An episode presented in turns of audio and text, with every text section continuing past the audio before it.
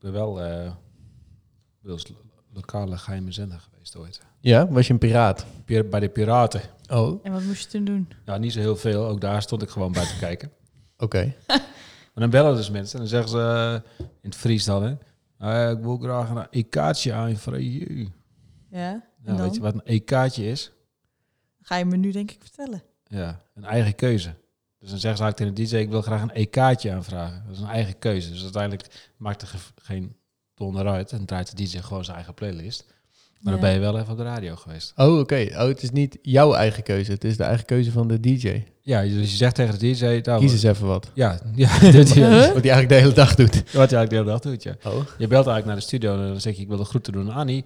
En eh, oké, welk nummer kan ik voor draaien? Ah, doe maar EK'tje. Nou, dat is wel heel veel vertrouwen in de DJ. Ja, maar ja, het was ook gewoon steengoed. Ja, nee, absoluut. Ja, En wat deed jij dan? ja, ja, gewoon, ik zat er gewoon in die bierkate om Ah, een biertje weg te tikken, zeg maar. En Oh. wat voor radio was het? Ja, dat vraag ik me dus even af. Je hebt echt niet opgelet. Je was echt alleen maar bier aan drinken. Ja, En ja, je bedoelt qua, qua genre? Ja, ja. Ja, Nederlandstalig. Oh, Ja, ja, ja, polka en eh, ja, ja. Nee, maar ik bedoel, ik weet de naam niet meer. Of het was Paradise, uiteraard. of Radio Bloemfontein, maar ik denk niet dat het dat het is. Want Radio Radio, Bloemfontein. Maar ik denk niet dat dat hem is, want volgens mij is Radio Bloemfontein, daar is een hele documentaire over gemaakt. Die heb vind- ik laatst nog gezien trouwens. ik vind Bloemfontein wel leuk klinken. Ja, maar als je nu een nummertje aan moest vragen, wel, welk nummertje zou je dan aanvragen? ja een EK'tje. Een Ja, kaartje. Hier kun je dus helemaal niks mee. Nee, maar ik, ik, ik, ik zit niet zo in die eh genre. Zeg maar. Ik vind het heel gezellig met een biertje op. Ja, Jannes dan. Jannes denk wil ik net zeggen, Ja, ja. Jannes, ja. We hebben vrijdag nog geluisterd. Met eh, zwevend eh, van het geluk of na het geluk? Ja, ik weet niet. Nee, Nee, dat is een Jannes. lekker nummer. Ja, lekker. Dus dat is mijn radioervaring. Ik heb het door, ja. Ja. Nou, misschien kun je er ook nog een keer wat meer. Je kan hier prima radio maken. Ja. Maar eh, ja, en we hebben ook zenders op het dak. Ja, dat hebben we vandaag ook nog gezien. Ja. Dus op zich zouden wij wel eh, Radio Nijmegen kunnen doen. Ja, goed idee. Nou, welkom. Welkom. Welkom. Ehm, het is een tijdje geleden eigenlijk, hè? Nou, Ja, Ja, onze planning liep een beetje eh, in de soep. we zijn helemaal in het nieuwe jaar. Ja. Eh, ik denk dat het bijna twee maanden geleden is. misschien. nou, ja, ja, klopt. We hebben één keer overgeslagen eigenlijk. stiekem. December dan. Ja. Kan gebeuren. Maar we zijn weer terug, nieuw jaar. Ja. Vet, eh, vette start van het nieuwe jaar gehad, denk ik wel. Ja, nieuwe locatie. Ja, nieuw kantoor en daar dus ook een nieuwe hele podcast studio in eigenlijk. Eh, want, nou, sowieso voor de belerende podcast, maar ook willen we veel meer gaan doen met podcast. Dus dat is, eh, dat is vet. Ehm, Ja, oproepje. Dus woon jij in de regio Nijmegen? ja, ja, nee zeker. Dan mag je altijd... ik heb eh, dus eh, gelezen dat vet een stopwoordje is in deze podcast. Ja, dat heb ik ook Vet. gelezen, Ja. Ja, en dat hebben we ook al eens eerder. Volgens Oh. mij, ja, we hebben het wel eens eerder al teruggehoord. Dat is wel apart eigenlijk, want eh, sinds we deze podcast begonnen zijn, is vet juist afgenomen. Ik, weet, ik kan me nog Oh, heugen in de eerste Kun je de podcast. dat- krekel alsjeblieft even aandoen? de krekel. Heb je die onder de knop? Ja, maar nu krijgen we de hele soundmix show voor de kaart. Oh. Ja. Ah, kijk. Onthoud hem even. Ja, paars. Het is paars is krekel. Ja, paars is krekel. Eh, rood is de intro. Zullen we daarmee beginnen? Ja, Ja. is goed.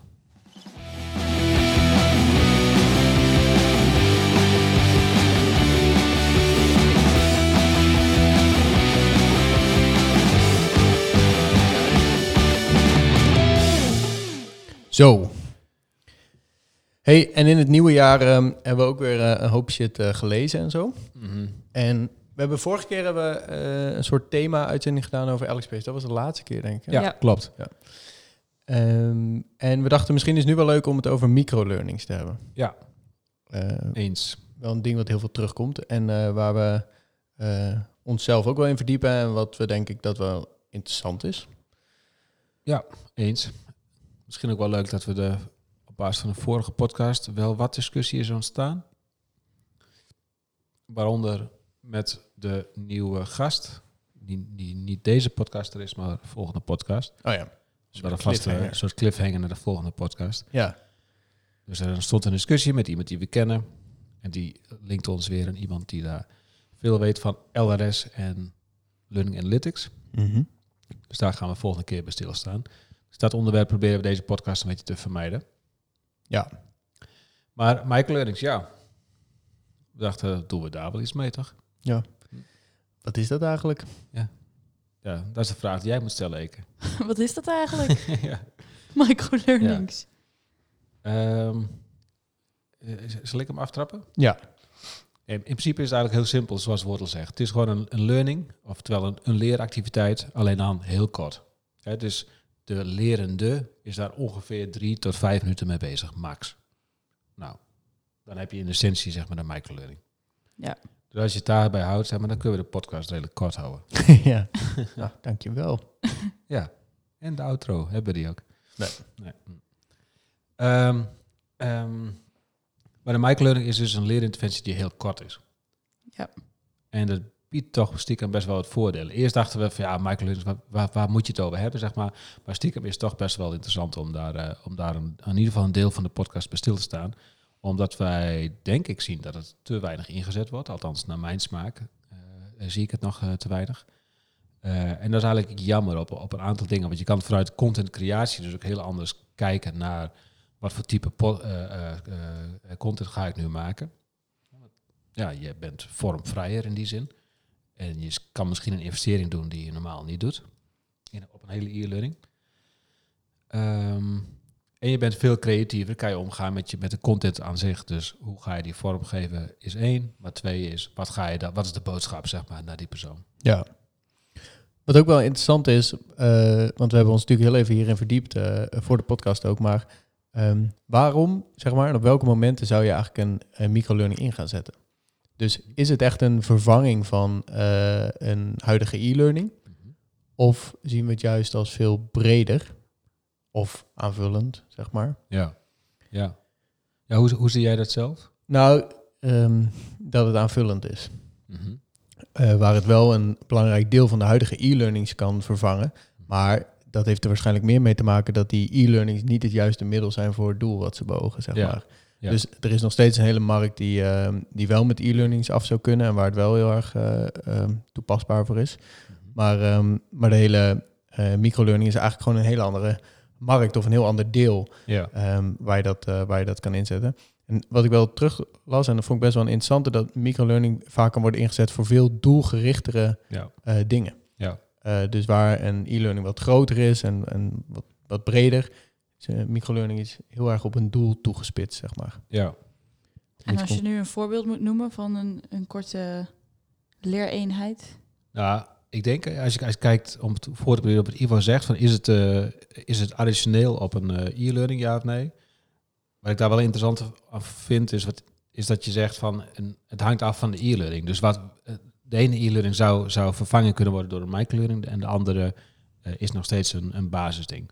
Maar om daar een voorbeeld te geven, ehm, stel je voor, je, je hebt EHBO, dan heb je gewoon een e-learning te doorlopen. Dat- Daar ontkom je niet aan, want je moet examen doen. Dus je moet eigenlijk op een vrij korte manier eh, klaar zijn voor het examen. Al, zou, al is dat nog te bediscussiëren of dat dan niet alleen maar allemaal korte microlearnings kunnen zijn. Hè? Dat kan. Maar laten we even vanuit gaan dat het niet is. Dus je, eh, je, je begint twee dagen voor je examen te leren. Je ramt die e-learning door. Je doet je examen klaar.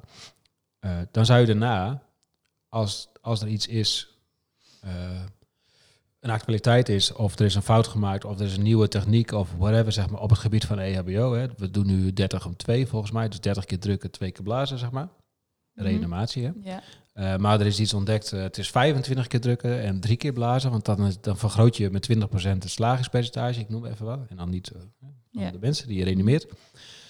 Daar kan je dus wel opnemen in je e-learning, maar daarmee bereik je alleen maar de mensen die opnieuw de e-learning gaan doen. Ja. Nou, dan zou microlearning perfect zijn om gewoon een korte actualiteit de wereld in te slingeren. Dan is het eigenlijk veel meer vanuit het permanente educatieproces. Ja. Ja, precies. Dus je pakt eigenlijk een actualiteit. Ja. Ja, ja eens. Wat je ook wel terugziet is dat, want jij je, eh, zei het zelf van, laat voor het gemak eventjes, en ik snap het in het voorbeeld eh, ervan uitgaan dat je een e-learning doet, maar dat is inderdaad natuurlijk ook juist iets wat je wel met microlearning zou kunnen doen. Ja. En daar is best wel wat onderzoek naar geweest en schijnbaar zijn we 17% meer efficiënt als we met microlearnings. eh dus we hebben sneller eh, conversie van het leren eigenlijk. Dat is eigenlijk nog laag, vind ik. omdat je als je kijkt weer naar Ebbinghaus met die vergeetcurve, Mhm. dan ben je in 30 dagen kwijt wat je vandaag leert. Hè? Even Mhm. heel plat gezegd. Mhm. Eh, dus dan, dan is dit eigenlijk nog relatief laag.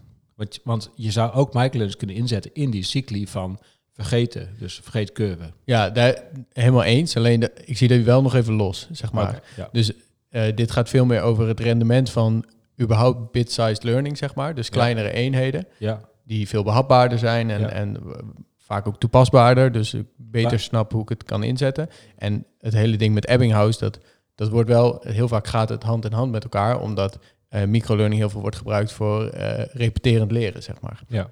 Dus, het- dus ja, En, en, eh, en wat zegt het onderzoek dan? Die zegt, er is een...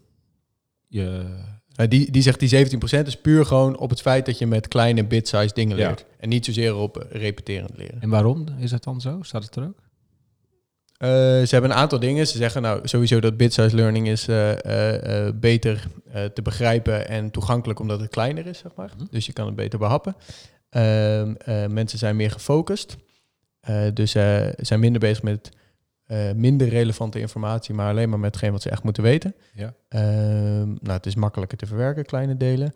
En het heeft veel kleinere doelen. Dus meestal maar één of twee doelen Ja. uh, die je moet, uh, moet kunnen weten daarna. In plaats van dat je groot ding waar je misschien wel uh, 80 leerdoelen zeg maar, moet. Ja.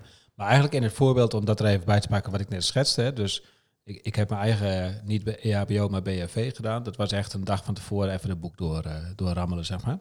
Daar zou dit dan minder van toepassing zijn, vermoed Weet ik, niet. Want stel dat je um, uh, het voorbeeld wat je geeft, zeg maar, over die 30-2, Ja. dat is eigenlijk één heel concreet ding. Ja. Dus dat zou juist ook in dit passen. Uh, ja, dat klopt. Alleen als je het hebt over uh, meer focus op het leren, Mhm. dan zou ik zeggen dat het niet uitmaakt of je nou 50 microlearnings doet of één e-learning. Als ze dezelfde elementen hebben. Want mijn focus blijft, in mijn beleving, dat, dat zit niet per se in de vorm. Dat zit meer in de interventies die ik ertussen heb. Of de, de tijd die ik ervoor neem. Ja, en ik, uh, dat is wel een goeie. Want in dit hele ding gaan ze ervan uit, zeg maar, dat je prima uh, 20, 30 microlearnings kan hebben. Ja. Zeg maar, die allemaal veel meer toegespitst zijn op Ja. uh, noem het individuele problemen. Ja. Het even zo te zeggen. Oh ja. ja. Die je ja. In een tijd met tijd ertussen verwerkt, zeg Ja. maar. Ja. Uh, versus in één keer een e-learning doorrammen. Ja, precies. Ja. Ja. Dus ik denk dat wij, uh, wij zijn natuurlijk ook wel bezig over wat moet je met, met micro leren en, en hoe zou je dat kunnen inzetten, zeker in nou, het permanentere leerproces. Ja. En um, uh, dan ga je veel meer denken over, je krijgt weer een stukje content aangeboden op basis van Ja. Ebbinghaus of een actualiteit of dat soort dingen. Maar dat Ja. staat hier nog even buiten. Dit is Ja. gewoon e-learning versus nee, micro leren. Ja. Um, wat ook een gigantische markt is eigenlijk als je naar de platformen kijkt. Ja, ja, ja, zeker. Ja. Ja, maar dit is dan gewoon even nu een, uh, een vraag. Ja, Stel als je... gewoon even een vraag. gewoon even vraag. Um, als je dus het lostrekt van dat permanent uh, actueel. Uh, stel je hebt een, bijvoorbeeld een grote e-learning uh, over Excel. En die breek je helemaal op in stukken. Ja. Uh, zodat mensen dus bijvoorbeeld ook makkelijker Mm -hmm. kunnen vinden wat ze moeten vinden. Dan hoeven Ja. ze niet die hele e-learning door. dus heb je bijvoorbeeld een kleine uh, micro-learning over, uh, weet ik veel, hoe gebruik ik deze functie in Excel. Ja. ja, maar dit is gewoon een perfect voorbeeld wat je geeft. Maar je stelt niet echt een vraag trouwens. Wat is de vraag? En de vraag was nu eigenlijk, is dit ook gewoon een goed voorbeeld? Ja. Nou, mooi. Ja. ja. dit is een supergoed voorbeeld. En niet eens, niet eens vanuit de gebruiker. Hè? Want als je Excel moet leren, dan, dan, dan kan je dat via microlearnings doen of, uh, of via een e-learning. Dan, dan, dan ga je hetzelfde voordeel raken wat Ivo net schetste. Maar als je het nu bekijkt vanuit de auteur, dus vanuit de partij die deze content moet maken, dan, dan daar heeft het ook heel veel voordelen dat je de, de content gewoon opsplitst in kleine microlearnings. Want ja. Je, je kan het beter beheersen, je bent misschien creatiever in, in, de, in de vormen die je het gaat gieten. Uh, en je kan het ontsluiten op een manier waardoor als de gebruiker die ene functie waar je net naar refereerde wil gebruiken van Excel, daar ook heel specifiek naar kan zoeken zonder dat hij, nou wat Ja. je zelf al zei eigenlijk, hè, die hele e-learning door hoeft te, te, Ja. te akkeren. Ja. Precies. Er is ook een Nederlandse partij die hierop inzet. Uh, uh, Five Miles. Oh, heet ja. die. Ja. Die doen eigenlijk precies wat jij net beschreef. Dus eh, Excel, want Excel is een van de meest afgenomen trainingen nog steeds eh, eh, over alle platformen, zeg maar. Ja, dat andere-? Ja, dat is heel apart, Hm. maar dat Ja. blijft super populair. En zij zijn daarop ingesprongen door allemaal microlearnings over eh, Excel te maken. Dat is wel slim, ja. Ja, dat is heel slim van ze. Want Ja. meestal als je iets niet weet, dan zoek je het op op Google eigenlijk. Ja, Eh, maar ja, Ja, dat is ook grappig, want die kom je ook nog veel tegen. Dus gewoon het, het zoeken naar een videootje op YouTube, dat is eigenlijk ook nog een hele pure vorm van microleren, zeg maar. ja. In mijn beleving de meest organisch ook. E- Even zonder vijf mijls of iets dergelijks willen, willen tekort doen, zeg maar. Maar als ik tegen, ergens tegenaan loop, op welk domein dan ook, duik ik altijd naar Google. Ja. Altijd. Ja, en dan is het, eh, ik denk vanuit een organisatie gedacht, ah, nee, dat is niet. Ja. Vanuit een organisatie heb je natuurlijk heel veel eigen content en Ja. eigen beleid Ja. en dat soort dingen. En daar wil je niet voor dat ze naar een YouTube gaan, Nee, want klopt. daar wil je juist op cureren. Ja. Eh, maar je wil dat, eh, dat ze voor de anderen wel naar YouTube gaan natuurlijk. En dat is een lastige. En dan komen Ja. we weer een beetje op het LXP-verhaal, waar ze allerlei shit proberen te combineren Ja, ja, met ja. eigen, eigen content. ja, ja, eens. eens. ja, in principe als je het ergens kunt vinden waarvan je weet dat de kwaliteit echt gewaarborgd is, Mhm. Dan zou je misschien eerder daar zoeken. Maar dat is bij Excel misschien niet echt een goed voorbeeld. Want daar heb je gewoon best wel veel goede dingen op Google over te vinden, vind ik Ja, zelf. ja Maar- precies. Ja, Ik las ook ergens dat. ehm, eh, want ik had in mijn hoofd dat dit, dat hele microleren, wel een beetje iets is van onze generatie, zeg maar. Omdat. Ja, over welke generatie praten we? ja ik Ja. wou hem expres niet maken, want ik zag al. Je zag alweer mijn ik zag jou, ja, de tranen in je ogen alweer. Van hoor ik daar nog bij? Maar voor deze zijn wij even één generatie. Ja. Je hoort erbij, Peter. Van een hele grote generatie. Ehm, maar dat, dat dat iets is voor ons, omdat wij heel erg bezig zijn zeg maar, met eh, het zelf opzoeken en eh, snel informatie tot ons krijgen, allemaal dat soort shit. Zeg maar. Ja. Blijkt niet zo te zijn. Dus volgens datzelfde onderzoek daarin staat, nee, dit is juist iets wat ook voor de oudere mensen zo, want dit- zo werkt het nou eenmaal in ons hoofd, zeg maar, dat het veel efficiënter is en dat soort dingen. Dus wij zijn misschien wel iets meer geneigd om het op te zoeken, maar het werkt voor alle lagen, zeg maar. Ja, ja, precies. Maar ja, vroeger, vroeger had je alleen het papieren boek, zeg maar. Dus het was een beetje apart om die in stukken te scheuren. Ja, Ja, dat snap ik. En nu... Ja. eh, al nu- maakten we wel kopietjes als een gek volgens mij vroeger. Ja. Ja, ja, dat klopt. Wel een mooi, mooi concept. Maar, ehm, mhm. maar ja, hm. Ik vind het wel interessant, want ik kan me wel voorstellen vanuit het zoeken, zeg maar, dat het niks uitmaakt. Eh, maar vanuit het leerproces kan ik me toch ook wel weer voorstellen wat, dat de wat oudere generatie, zeg maar, meer behoefte hebben aan een kop en een staart. Ja, Waarin wij op social media, waarin jullie op social media, nee, eh, veel meer op zoek zijn naar de Insta-stories en de, en de Facebook-snippets. ja. Dat- Facebook snippets. Ja. Je hoort wel, hij heeft er verstand van. Heel hip. Dankjewel. Wat is... Ja, oké. Whatever. Ik zit al jaren niet meer op Facebook. Nee, het is niet... Ik las trouwens vorige week, en dat is helemaal niet nieuw, er wordt vaker over geschreven, maar dat Facebook echt voor de, de bejaarden is. Hè? Ja, dat is we- wel echt steeds meer, ja. Dat echt een bejaardenboekje wordt.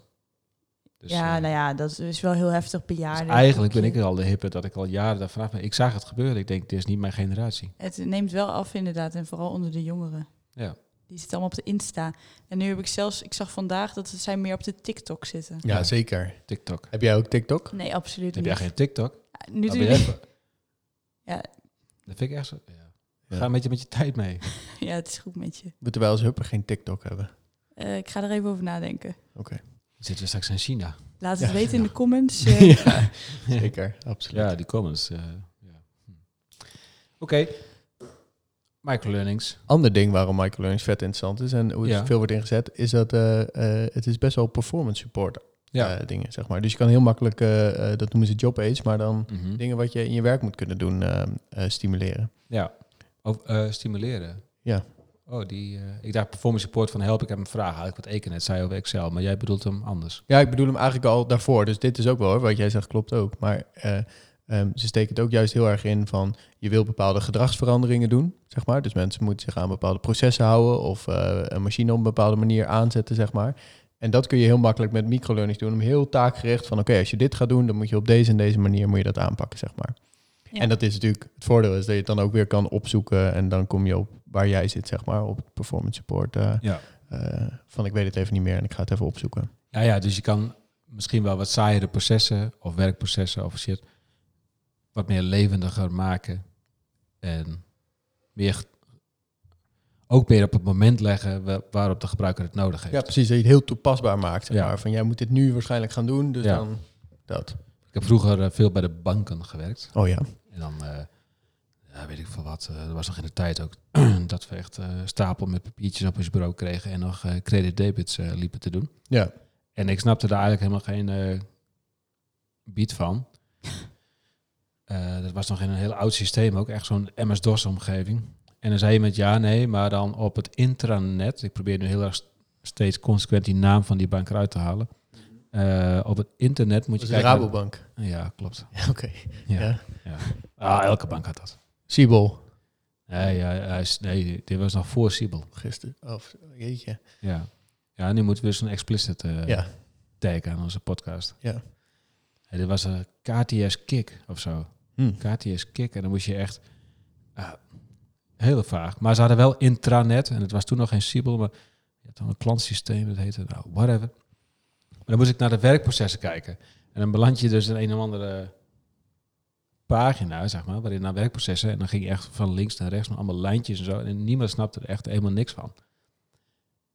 Dus vanuit, ik, moest even, ik had even een flashback van als je dat zegt vanuit processen en werkprocessen en zo willen we dat, dat je werkt, zeg maar. Ja. Zou die microlearning kan je veel mooier maken, veel interactiever en veel meer in de, toegespitst op de werkpraktijk van mij. Ja. In plaats van dat ik helemaal een procesboek door moest. Ja. Maar echt niemand waar mij kon uitleggen wat ik eigenlijk aan het doen was. Ja. Het wordt natuurlijk ook heel snel adaptief. Mhm. Dus daarmee en misschien ook wel gepersonaliseerd, als je het helemaal goed doortrekt. Maar ehm, Ja. dat je het helemaal kan toespitsen op... Maar wat zou dan gepersonaliseerd zijn voor jou in de microlearnings? eh, in welke microlearnings je krijgt aangeboden. Ja, ja, precies. Ja. Ja. Ja, ja. Ja, het zou nog vetter zijn als het eh, helemaal contextueel wordt in een microlearning zelf. Maar dat is misschien even een beetje next level. ja. Maar dat je in ieder geval eh, de microlearnings krijgt aangeboden die voor jouw werkpraktijk van toepassing zijn. Ja. En dat gecombineerd met waar je al wel goed in bent, waar je niet. Maar dat, dat is Ja. dan adaptiviteit. Maar Ja. ja. Nou, je zou hem ook nog kunnen doen in de werkvorm, zeg maar, die voor jou het beste werkt. ja, ja, eens. Dat zou heel vet zijn. Dus Eke die heeft dan liever een Insta-story. Dus eh, dan wordt het werkproces een Insta-story. Ja, heel mooi voorbeeld. Ja. En ik zou dan zeggen, nee, doe mij maar, Een boek. nee, een diagram, Ja. Ja, een procesplaat. ja. Nou ja. Maar je bereikt hetzelfde. Zo mooi. Zo, Ja. zo leren de luisteraars jullie toch een beetje kennen. Ja, Ik denk ook dat ze een heel vertekend beeld van ons hebben. Maar goed. ja. Over dat leuker maken. Je had het net over leuker maken van Ja. het proces. Dat is ook iets, hè? Dat heel veel gamified moet zijn allemaal. Leren met microlearnings. ja. Wat vind je daarvan? Ja, gamified. Ik ben nooit gevoelig geweest voor gamification eigenlijk. En dat is misschien een slechte uitspraak, zeker vanuit onze positie als hupper, zeg maar. Maar gamification is niet... Ik, ik snap het niet helemaal. Maar ben jij nooit gevoelig geweest voor gamification, Peter? Want ehm, jij fietst nog alles. Ja, En je Ja. gebruikt een appje, Strava. En daar hoeft maar echt... De, de, de minimaalste badge moet er maar eh, voorbij komen. Of jij bent gelijk... ja, Fuck, dat ga ik halen. ja. Ja, 100% waar. 100% waar, ja. Dus leg even uit. Ja. Ja. Hmm. Je hebt gewoon een hekel aan het woord. Ik, jij hebt me nou in de hoek. Ik weet het niet. Ehm, Je kunt het niet plaatsen. Ja, jawel, ik kan wel, misschien is er wel een uitleg, maar die is heel slecht. In die zin dat ik met sporten vind ik het, moet ik mezelf soms wel oppeppen, zeg maar, om op de fiets te stappen, zeker eh, eh, in deze maanden. Dus als ik dan een badge kan halen, dan vind ik dat wel tof, zeg maar. En het is ook wel, goh, ik heb deze week 100, eh, weet ik veel wat, 160 kilometer gefietst of zo, maar ik krijg mijn badge pas op 200. Ja, dan gaan die laatste 40 er ook komen, zeg maar. Ja. Eh, maar bij het leren heb ik dat minder, omdat ik leren veel meer zie als iets. Ik wil niet cheesy zijn, maar als iets, wat, wat ik toch wel doe of zo. Ik weet niet. Is het niet eh, de implementatie, zeg maar, die jou een beetje tegen de borst uit? ja, Want- ja, ik, ja, ik denk dat het, dat het klopt. ja. Ja. want als jij, jij hebt je ook wel eens verdiept eh, om eh, in, in SQL en zo, dat soort dingen. Ja. Dat is, dat is een andere manier van gamification. Maar daar werk je ook toe nadat je dan op een duur, nou bijvoorbeeld met dat Docker ding, dat je, Ja. een- nou wordt allemaal een beetje technisch, maar dat je iets voor elkaar kan krijgen, zeg maar daarin. Ja. Dat is ook best wel gamified opgezet eigenlijk. Heel erg, je moet dit en dit even leren en dan kun je dit, Ja. kun je zeg maar. Ja, En, ja, eh, en hoe vet is dat? Want dan heb je dat en dan kun je weer door naar het volgende level, even om het zo te zeggen. Ja, ja, ja. ja, maar daar leg je het dus niet op een badge eh, of op iets op een leaderboard of zo, maar dan puur op. Je hebt nu iets geleerd, je gaat het nu toepassen. En zeker bij techniek, hè, want eh, Ja. voor de luisteraars, Docker en SQL, dat zijn vrij technische dingetjes. Dus moet je een beetje code kloppen of, of, of, of whatever, iets in die trant. Dus je kan iets creëren. En je Ja. moet dat dan creëren. Als je het gecreëerd hebt, dan voelt dat als zijn, Ja, Je ik heb het gehaald, beloning. ja, Ja. precies. Ja. Dus dat is wat ik bedoel met die Ja. implementatie. Ik, ik ben het er helemaal mee eens dat heel vaak in leersystemen wordt het heel plat. Want het wordt een leaderboard of het wordt, eh, weet ik het wat, een muntje wat omhoog springt als je iets hebt gedaan. Of Ja. dat soort flauwigheid. Maar het, het concept van gamification kan nog wel interessant zijn. ja. ja helemaal eens. Ja. Maar dan gaat het veel Maar meer dat- richting skill-based, zeg maar. Ja, dat wou ik precies zeggen. Dan Zo. zou je hem daar moeten leggen. Ja. Dus dan zou je moeten zeggen, ik doe nu x aantal microlearnings en eh hooré, mijn skills op x zijn opeens toegenomen. Ja. Ja, maar dan wordt hij waardevol. Dan krijgt hij waarde in plaats van een sticker. Ja, maar die implementatie zie je ook wel steeds meer komen. Ik kwam er een paar tegen bij eh microlearning Ja. apps die dat doen. Heeft denk ik ook te maken met het feit dat ehm, sowieso skills super eh Ja. hyped zijn nu natuurlijk eh, in al die platformen. Ja. Het is allemaal skill. We hebben ooit in het leersysteem, we hebben vorige week eh, ook badges gemaakt. En dan moest je ook een soort sequ- van eh, x aantal keren iets goed doen, zeg maar. Dus dat je... ehm, eh, hoe hadden we dat nou? Volgens mij moest je, laten we zeggen, je moest vragen beantwoorden. Eh, maar je kreeg dan om de zoveel dagen of om de zoveel weken een vraag. En die moest je dan beantwoorden. En dan kon je ook een badge krijgen. Maar die badge dat was niet echt een badge die je eenmalig kreeg, maar dat was oplopend. Dus als je dan een reeks van vragen goed had, had je opeens een reeks van tien vragen goed beantwoord. En dan wilden mensen niet die elfde vraag fout doen, want dan ging de teller weer op nul. Zeg maar. Ja.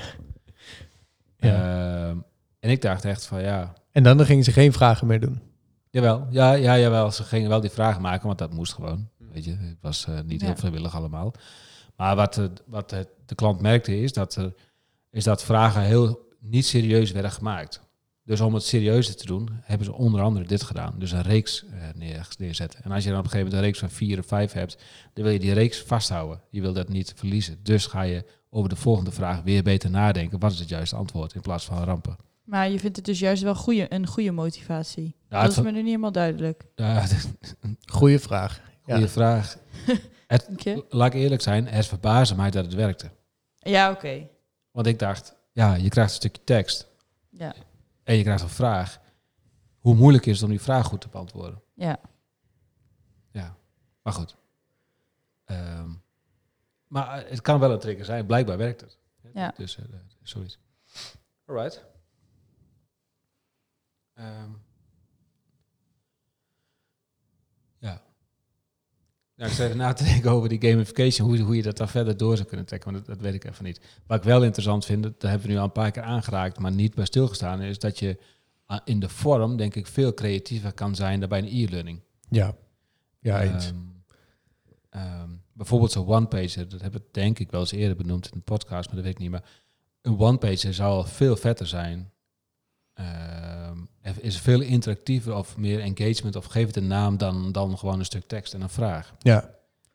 Ja, klopt. En sowieso, dat is het grote voordeel natuurlijk ook, dat je, ehm, doordat het allemaal microlearning zijn, wat heel vaak mobiel georiënteerd is, Ja. ehm, kan iedereen altijd aan de slag, zeg maar, met leren. Ja. Dat gaat ook al heel veel helpen in, ehm, Ja. In het feit dat ze het ook wel het prima vinden of zo. Want dan krijg je een trigger van, ik moet weer even wat doen. Of Ja. haal je, je, je, je, hoe noem je dat, de reeks voor deze week, zeg maar, wat je net benoemt. Ja. Dus er, er zijn veel makkelijkere triggers om te doen dan, hey, je hebt je e-learning nog niet af. Ja, ja, dat maakt het veel leuker. Ja, en in een e-learning dan, dan wil je soms wel tof zijn, als content maken dan. Alleen dan heb je of het budget niet, of de creativiteit niet, of het voelt raar. Ja, als je nu een e-learning maakt, laten we zeggen dat die voor dat die grotendeels tekst is. Ook als ontvanger, als gebruiker, als ik een e-learning doorloop die heel veel tekst is en dan opeens een video presenteert, of serveert eigenlijk, eh, voelt de ene kant wel lekker, dat je denkt, hé, hey, iets anders. Aan de andere kant voelt het ook een beetje ongemakkelijk, want je bent er helemaal niet op ingesteld. Want je, want je bent gewoon aan, al, al, al een uur tekst aan het lezen. Ja. En in microlearnings voelt het veel natuurlijker om daar eens een keer een video eh, variant of een one-pager. Ik vind die one-pager bij de NOS eh, vind ik heel erg mooi ingezet hoe ze dat doen. Dus waar je normaal misschien, eh, als ik een artikel zou zien over, goh, wat hadden ze laatst nou? Volgens mij over de CO2 of zo in het water in Nederland. Ik, ja, is een slecht voorbeeld, want ik weet het blijkbaar dus niet meer. maar ik weet wel dat ik het gelezen had. Normaal Ja. zou ik dat, dat, dat artikel niet gelezen hebben. Dat ik denk van ja, vind ik niet zo interessant. Nu was het een one-pager die heel grafisch was vormgegeven. Met wat bewegende elementen. Waarin je dus kon zien wat het effect dan was van, van CO2 eh, in ons land. En eh, wat het doet met, met onze plassen en zo. Ja, Ja. maar dat is heel veel storytelling dan wat ze toepassen. Ja, ja. Ja, Maar dat is eigenlijk wat een one-pager, nou niet altijd, maar in een goede one-pager wel zou moeten beogen. Dat het een storytelling-achtig iets is. ja. Ja. Zou, een, zou een podcast ook nog, eh, valt dat ook nog in deze categorie? Eh, als zijn een microlearning. Mhm. Vind ik lastig. Want ik denk het niet. Want een podcast zoals ik een podcast het liefste zie, is toch minimaal kwartier, half uur een gesprek volgen of een thema uitdiepen. Ja. Maar het is wel grappig. Ik las, eh, ik was vandaag ehm, even wat artikelen aan het lezen. ehm, zo ook van een Nederlandse blogger. Eh, en die refereerde naar podcast. Goh, dat het weer populair begint te, wo- te worden en zo. En, eh, en no shit, denk ik dan. Ja, wist wel Dat jaren. wist wel jaren. Ja, maar, eh, eh, goh, en hoe zou je het dan in kunnen zetten binnen het leren? En dan krijg je best wel suffe implementaties van, ja, je zou fysieke interventies kunnen opnemen die dan eh, in een podcast aanbieden. Dat is in mijn beleving geen podcast, dat is gewoon een audio-opname. Ja, Of eh, je kan instructies inspreken en dan dat delen. Nou, je zou kunnen zeggen dat je zo'n instructie, ik mag hopen dat die niet langer duurt dan vijf minuten. En dus zou je kunnen zeggen, dit is onze microlearning.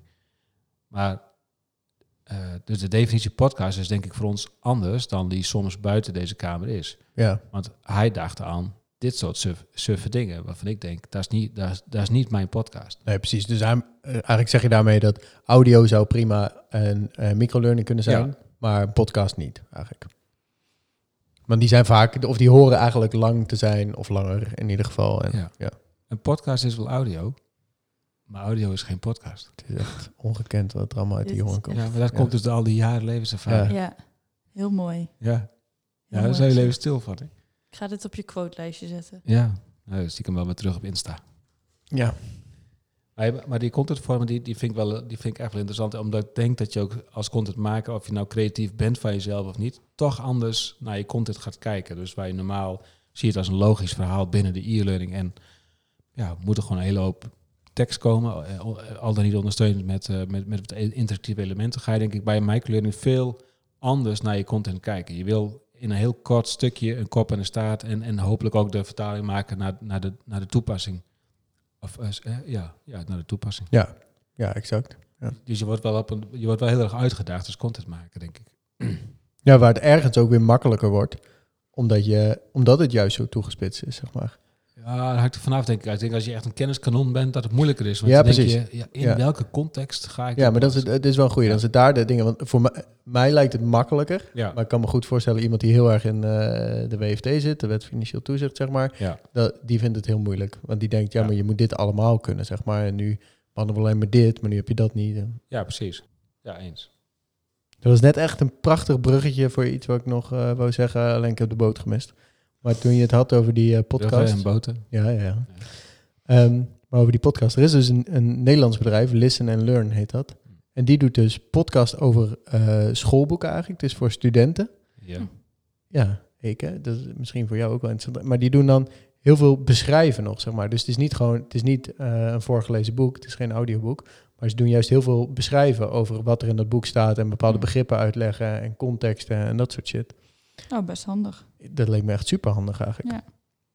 Ik vond het echt een heel slim idee. En dat is dan een abonnementsvorm, volgens mij voor 5 euro per maand of zo. En dan hebben ze samenwerking met alle uitgeverijen en universiteiten. En dan eh, daarmee maken ze dat. Ja. En dat ja, is dan een, een podcast over hoofdstuk 1 tot en met 6 van boek X, zeg maar. En dan gaan ze Ja. er gewoon doorheen van waarom staat dit daar en Ja. eh, wat bedoelen we hiermee, zeg maar. Wat kun je ermee? Ja, het is wel heel bruikbaar, denk ik. Ja, want ik, het is voor mij lang geleden dan, hè, school. Maar Mhm. ik kan me nog wel heugen dat, dat vroeger dan de docent zei, nou, eh, weet je wat, nieuw vak. eh, pak je boek X erbij en dan beginnen we in hoofdstuk 6.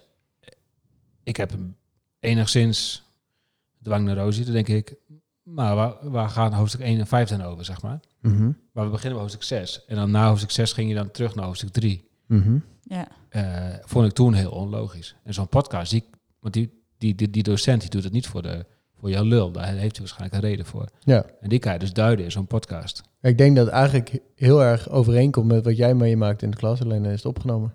En misschien leggen ze Ja. dan beter uit, zeg maar, waarom ze bij hoofdstuk zijn. Maar dat was dan meer een gemis van Ja. jouw docent. Maar dan Ja, van, we, ja, we beginnen hier en, en dit Ja. heeft daarmee te maken. En, Ja. Ja. ja precies. Dus ze leggen heel erg verbanden tussen in het boek. Ja. Ja, chill. ja, ik vond het wel een vet idee eigenlijk. ja.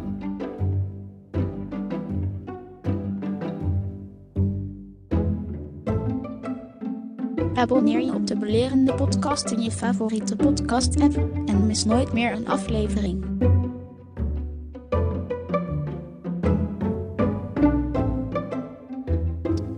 Eh, er was een filmpje op Learning News, geloof ik, of zo. ja. Oh, whatever. En dan gaat eh meneer Clark iets uitleggen over eh, AI. En vanuit de discussie vanuit microlearning zou je die ook wel weer op tafel kunnen gooien, al doen we dat al heel vaak. Maar dat eh, wat hij eigenlijk heel duidelijk stelt is, AI is niet het toverwoord voor alles en zo. En die gaat helemaal niks eh, voor ons oplossen. Hij gaat dus ook niet per se eh, kapot maken, om het even plat te zeggen. Maar, want AI is op dit moment, ze streven naar een, een breder gedragen, of een, een slimmere variant, maar op dit moment is het een relatief domme variant van AI. Die is pisa goed ergens in één ding, maar de alles daarbuiten moet je hem niet te veel vragen. Dus in een bepaalde context kan hij heel erg functioneren. Nou, als je dat dan weer doortrekt op microlearnings, kan dus een AI ook heel erg detecteren eh, wat de, de gewoontes zijn van een gebruiker. Oh ja. Ja, ik probeer nu misschien iets te doen wat niet bestaat. Of, of, of wat niet helemaal klopt. Maar in mijn beleving zou je dat dan wel kunnen doen. Want hij, hij, hij kan wel gebruikers leren kennen. Zoals Google News mij ook leert kennen. Is dit niet wat eh, Microsoft met dat ene botje al een beetje doet? Dat ze, die hebben toch zo'n bot waar ze jou binnen de Office-omgeving heel erg volgen. Mhm. Dat doen ze natuurlijk sowieso, maar... Ja. En eh, dat ze op basis van je gedrag al eh, performance support doen, zeg maar. ja, ja. Clippy 2.0. Eigenlijk het oudere of jongere broertje van Clippy. Ja. ja. Ja. Is dat wat je bedoelt? Ja, zeg maar ja, op die manier. ja, in principe wel. Want hij, hij kan dingen detecteren van jou. Dus hij kan gewoontes zien. Dus op basis van jouw gewoontes zou die dingen kunnen serveren. Content variaties. Of het, ik weet hier is een filmpje en er is een stukje tekst. Nou, ik ken Ivo, dus eh, het wordt een filmpje. Ja. Ehm, maar hij kan ook zien wanneer je ergens tegenaan loopt. Binnen het leren dan. Hè? Dus niet eens even naar je werkpraktijk, want, want die is nog interessanter eigenlijk. Maar binnen het leren zou, zou, bo- zou, AI ook kunnen zien van... Nou, ik zie nou dat je eh, snelheid van tekst verwerken eh, afneemt. Ik doe iets heel simpels. Dus ik ga, jou eruit halen. Ik dwing je aan tot, een, eh, tot het nemen van een pauze, te stoppen met leren voor vandaag. Of ik ga een andere contentvorm presenteren om jou te, te energizen. Of ik ga juist vragen stellen nu over hetgeen wat je geleerd zou hebben om even die interactie te zoeken. Zeg maar. Ja. Ehm, maar dat kan je natuurlijk in microlearning nog veel mooier en nog veel beter doen. ja, sowieso veel meer stuurmomenten ook, omdat je Ja, kortere interacties en zo. Ja, ja, ja precies. Ja. cool. Ja, eigenlijk zouden we eens een keer een AI-specialist moeten hebben. En het liefst eentje die, die niks met leren doet. Dus dat je samen zeg maar, gaat filosoferen, hij vanuit zijn kader, of haar kader. Het zou wel interessant zijn, ja. Ja, dus ben jij... ja. ja. Dat is wel leuk. Ja, sowieso meer gasten. Volgende keer dus ook een gast. Volgende keer een gast. Ja. Ja. Ja, Eh, learning Analytics en eh, Learning Record Stores. Maar vooral Learning Analytics en zo. Hoe we daar eh, Ja. eh, tegenaan kijken. Dat gaan we eind februari opnemen, geloof ik. Hè? Of ja hij komt in ieder geval eind Ja. februari online. Ja, dus we zullen deze keer weer Trouw. trouw ons aan de, aan de afspraak houden. Ja. Oké, cool. Nou, tot, eh, tot dan. Yes, tot de volgende.